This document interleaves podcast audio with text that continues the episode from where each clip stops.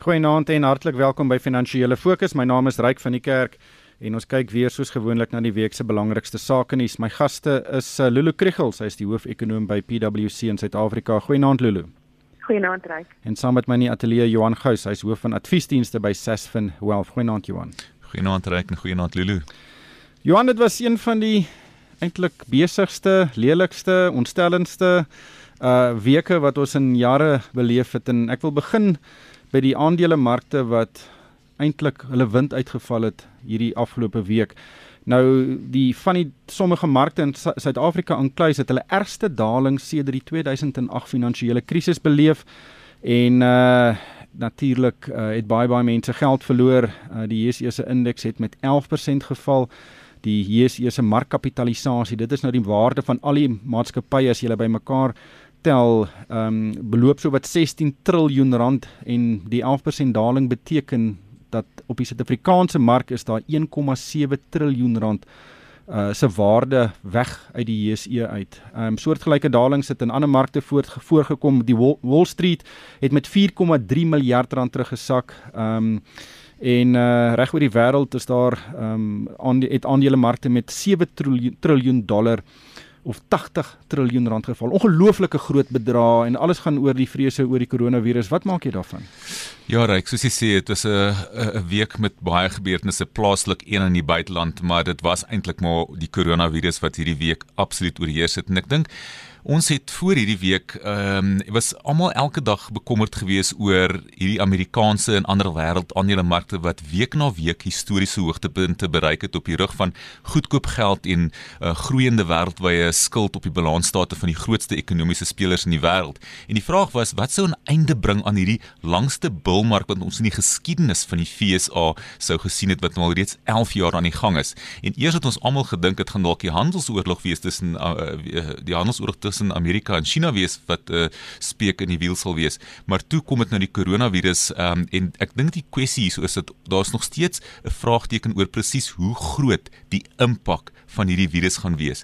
En die uh, die plaaslike mark soos jy gesê het 11% af waarvan 4.5% net op Vrydag. Jy het, jy het aandele gesien val, Implats 12% af, Angloplats 13% af, Sibanya 12% af. En op die top 40 ryk nou vir die jaar tot datum, dink ek het ons nog 4 aandele wat maar in die groen is. Dit is iets soos Goldfields, Naspers, British American Tobacco en en Prosus. En die enigste wenner in hierdie hele chaos was eintlik maar goud geweest, maar selfs goud het ook Vrydag swaar gekry. So almal het 'n wegkruipplek gesoek en dan was min wegkruipplek geweest vir beleggers. Lulu, uit 'n ekonomiese eh, perspektief, uh, wat dink jy kan die impak wees en dink jy hierdie reaksie is geregverdig?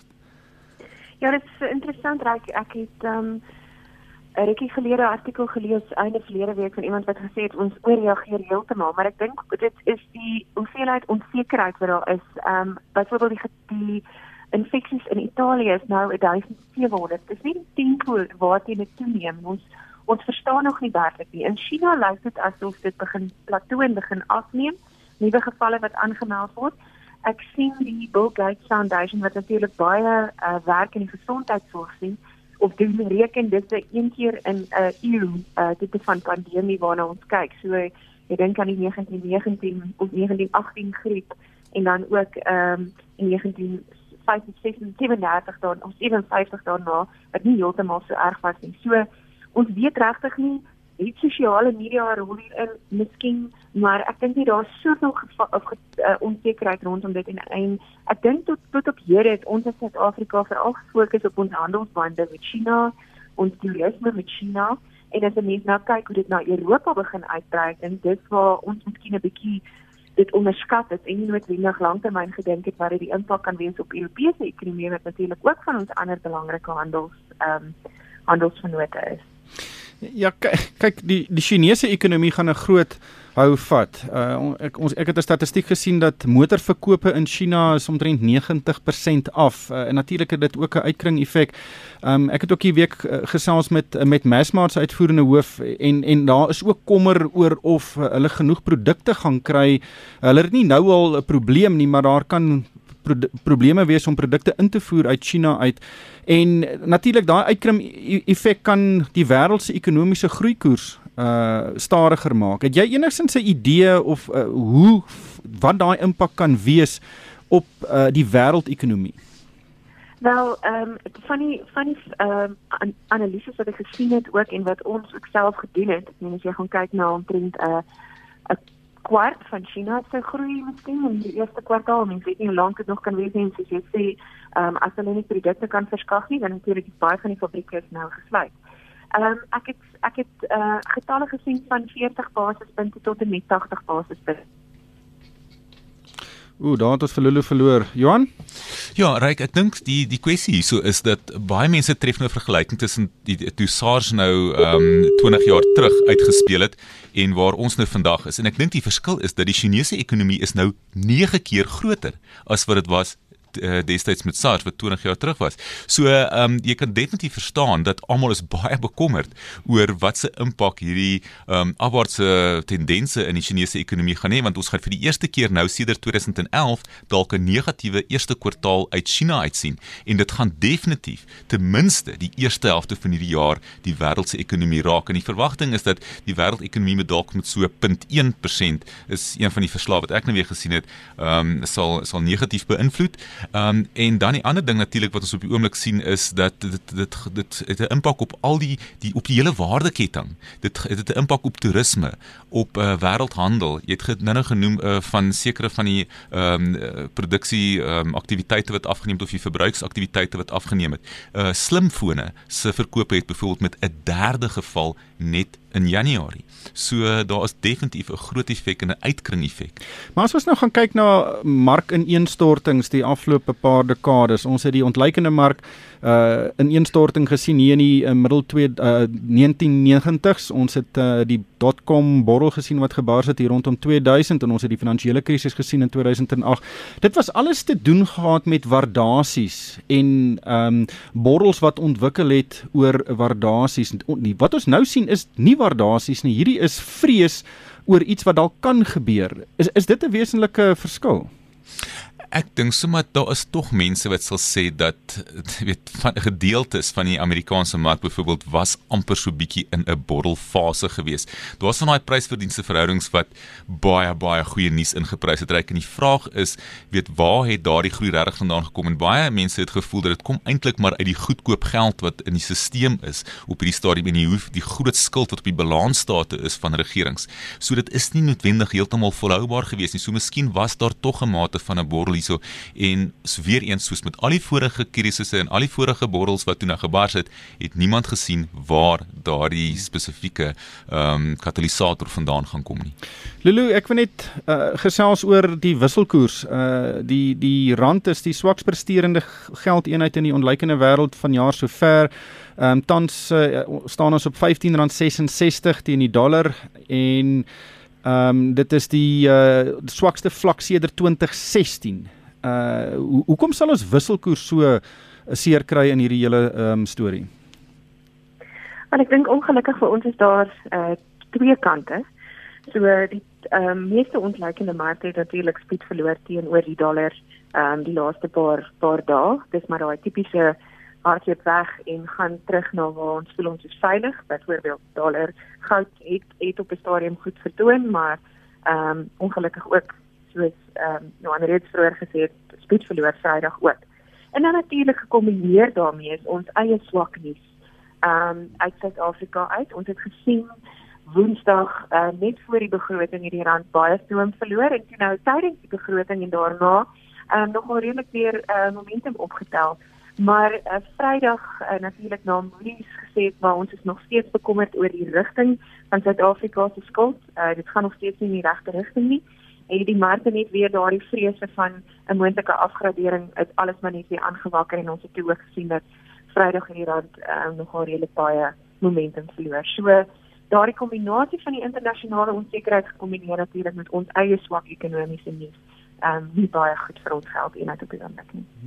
En dan enigste bietjie goeie nuus wat ek dink uit hieruit spruit is dat die oliepryse op 'n stadium Vrydag tot 45 dollar 'n vaatjie geval. Ek sien hy's nou omtrent weer op 50.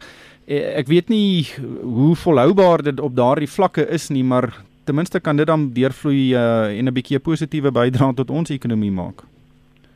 Ja, ek dink Vrydag het ek gekyk die onderverhandeling op die op die prys uh, brandstof en en en ehm um, op op petrol spesifiek was omtrent 19 sent gewees. So ongelukkig het die swak rand party van die van die positiewe nuus rondom die oliepryse natuurlik uitgevee.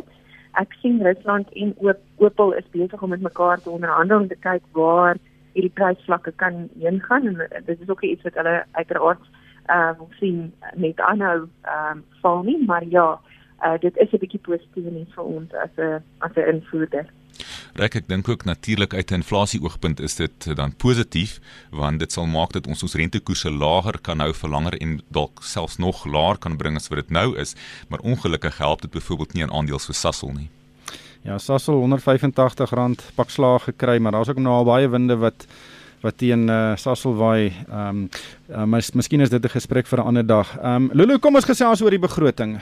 Uh, dit was natuurlik altyd gesien as een van die belangrikste begrotings wat ons uh, in 'n baie lang tyd ehm um, ge, ge, gesien het of uh, sou ontvang. Ehm um, daar was 'n uh, paar verrassings, ehm um, geen belastingverhogings nie en natuurlik ook ehm um, het die staat gesê hy wil sy salarisrekening diep sny. Ehm um, dit is aan die een kant en aan die ander kant het ons net gesien hierdie groot donker fiskale gat waarin Suid uh, Suid-Afrika net so bietjie dryf. Uh die die fiskale posisie is regtig regtig baie swak en daar moet dinge gebeur. Wat wat waar dink jy laat hierdie begroting ons nou ehm um, vanuit 'n fiskale posisie? Ja, as mens moet eerlik wees, uh, dan is nie veel verander van Oktober af nie. Inteendeel, ehm um, selfs 'n bietjie slegter. As jy mens gaan kyk oor die volgende 3 jaar, is die verwagting dat ons nog steeds nie die boepunt van die totale skuld uh tot BBP ehm um, of die totale skuld tot BBP gaan gaan sien afkom nie. Ehm um, so ons sien dit nog steeds nie neem oor die volgende 3 jaar. Die begrotingstekort ehm um, 'n 'n klein bietjie verligting vir, vir van volgende jaar af, maar ehm um, nie naaste by die tempo wat uh byvoorbeeld Moody's of Fitch of so van dit sal hou nie. So ehm um, en ons weet in die verlede was ons was ons nog verkeerd geweest oor hierdie syfers en het dit uiteindelik nog swakker uitgedraai. So ek dink dit mense kan verstaan hoekom dit uh byvoorbeeld vir Moody's ongemaklik maak. Ek dink uh die minister het ehm um, hy was braaf om nie om nie belasting te verhoog nie. Uh, dis natuurlik iets wat ons eintlik beskou as 'n positief vanuit ekonomiese groei oogpunt want ons het op 'n punt gekom waar uh veral persoonlike inkomstebelasting op 'n vlak was waar dit net nie volhoubaar was nie. Die net groei begin kniehalter het. Ehm um, so ek dink dit was braaf, maar aan die ander kant maak hy geweldig baie staat op uh byvoorbeeld die Suid-Afrikaanse inkomstediens en op die vakbonde om saam te speel rondom daardie 170 miljard uh ehm um, vermindering in die in die betaling of in die salarisrekening wat ons in die volgende paar jaar moet sien en dan natuurlik ook um, op Eskom. So baie wat wat ehm um, eintlik nog onbekendes is en onsekere faktore is wat ons nie weet hoe gaan dit uitdraai nie. Ek moet sê ek het uh, die die ehm um, vir Edward Kieswetter ehm um, in aksie gesien Vrydag en hy het 'n paar van die goeie stories gedeel wat by SARS aan die gang is vir die inkomste diens ehm um, besparings en en ehm um, en uh, verbeterings wat al wat hulle al reeds gesien het soos byvoorbeeld 60 ehm um, of 60 miljard wat hulle reeds gespaar het op op uh, eh, BTW bedrog wat hulle op afgekom het en so aan. So daar is heelwat daar is heelwat geld daar uh, wat ons dink ons hoop hulle kan kan sien inkom, maar ja. Johan Ja, ek kyk net aan die inkomste kant. Ek dink die geen belastingverhoging vir die spesifiek die vir die huishoudings is positief want hooplik kan dit verbruiksbesteding help en op 'n manier help om ons ekonomie te begin groei. Ons het ongelukkig ook aan die inkomste kant gesien dat die regering nou verwag dat dat ons ekonomie met 0.9% gaan groei die jaar en nie meer met 1.2% soos hulle nog in Oktober gesê het nie, wat beteken dat daar natuurlik dan weer minder inkomste sal wees. Aan die uitgawe kant vir my die groot teleurstelling is maar nog steeds om te sien dat die koste van ons skuld met 12 70% gaan toeneem. Ehm um, en uh dat ons gaan kyk na 'n 70% skuld tot bruto binnelandse produk verhouding teen die jaar 2022-23. Ehm um, en dan natuurlik die 160 miljard rand se salarisbesparings oor 3 jaar. Ek dink daar is 'n klomp ehm um, mense wat voel dat dit is nie noodwendig realistiese verwagting ehm um, wat hierso geskep is nie. Uh was dit maar net gewees om om om om Moody's byvoorbeeld te paai en 'n kredietgradering te vermy. Ek dink nie jy sal 'n plek soos Moody's of Fitch byvoorbeeld die rad voor die oë kan draai met so iets nie. So dit sal die eerste keer wees dat daar 'n uh, 'n bestaande loonooreenkoms wat reeds in plek is, uh, heronderhandel word. So ek dink dit is uit 'n politieke oogpunt baie moeilik. Maar selfs al uh, hou die regering by daardie begroting, die besteding word ehm um, weet binne die die die begroting gehou en die inkomste is wat verwag word, is die tekort op die uh, begroting 370 miljard rand. Ja, so dit wil sê elke dag 'n miljard rand wat ons tekort het. En dit moet geleen word. Absoluut. So as jy dan nou saam met dit die kredietafgradering kry, dan jy meer skuld en jy gaan moet meer betaal om daai skuld te finansier ook. So dit is absoluut 'n verloor-verloor situasie en daarom moet ons hierdie fiskale situasie probeer omdraai en Eskom op hierdie stadium natuurlik is die groot faktor in hierdie prentjie. Ja, die woord Eskom Lulu is nie baie gebruik tydens die begrotingsrede nie. Ehm um, maar dit is uh, een van die grootste strukturele probleme wat Suid-Afrika het. Eskom moet van sy skuld ontslaa raak en daar is nou genoem dat daar dalk 'n pensioenfonds geld gebruik kan word om van daai skuld oor te neem of dit te herstruktureer. Uh natuurlik uh, hou niemand van die idee nie. Uh hoe hoe sien jy daai situasie? Ja, ek dink die rede hoekom niemand van die idee hou nie is hoe gaan dit enigstens ander, anders bestuur word? Ehm um, as wat uh, ons belastinggeld tot op hierdie bestuur is wat ehm um, aan aan Eskom oorbetaal is. Ehm um, ek kan nie sien dat daar beter daarna gekyk gaan word nie en natuurlik niemand sal enige reg dink in 'n persoon wat die keuse het om in Eskom te belê sal dit definitief nie doen nie. So dit natuurlik 'n groot 'n groot probleem en soos jy sê, daar is min gesê oor Eskom. Dit was seker nie die minister van finansies se plek om nou al die aankondigings te maak nie, maar dit sou dalk goed gewees het want van die 100 en ag die 200 260 miljard wat hulle beplan om minder te spandeer oor die volgende paar jaar um, is daar nog 100 100 miljard wat na Eskom en ISA toe gaan ekstra en die grootste gedeelte natuurlik na Eskom toe. So ek dink net uh, belastingbetalers moet reg geweet hoe gaan daai geld beter bestuur word en ons sien niks nie.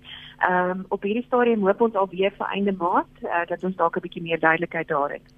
Johan?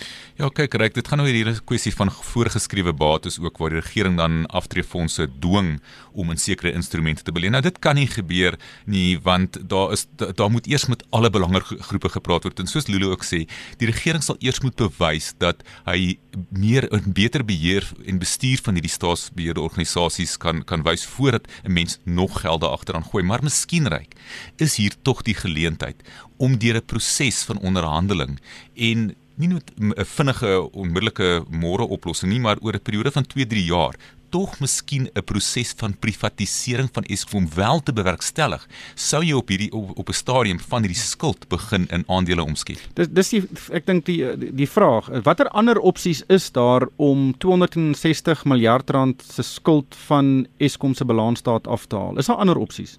Wel, die een ding is natuurlik om van hulle bates te verkoop, so van die kragstasies. Ons gaan verkoop nou Medupi en en Kusile en miskien nog hier um, vir Kuiberg ook en dan dan gaan jy ten minste begin dalk om jou rente te kan betaal want op hierdie stadium sukkel hulle net om hulle rente te betaal.